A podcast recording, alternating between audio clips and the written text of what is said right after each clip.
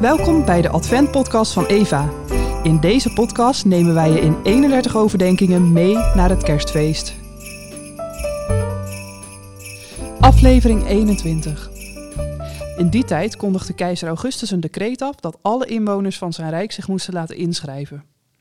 Lucas 2, vers 1. Augustus was de eerste Romeinse keizer. Hij is degene die Europa tot een eenheid heeft gemaakt en hij bracht ongekende welvaart en vrede.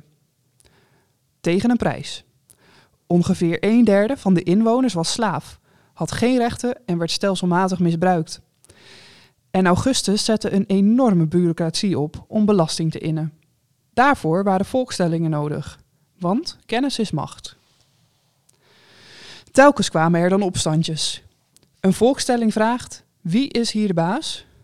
Na zo'n telling weet de keizer je naam, je geboorteplaats, je baan, je ouders, je kinderen. Hij is de baas. Hij is Heer, zoals dat toen heette.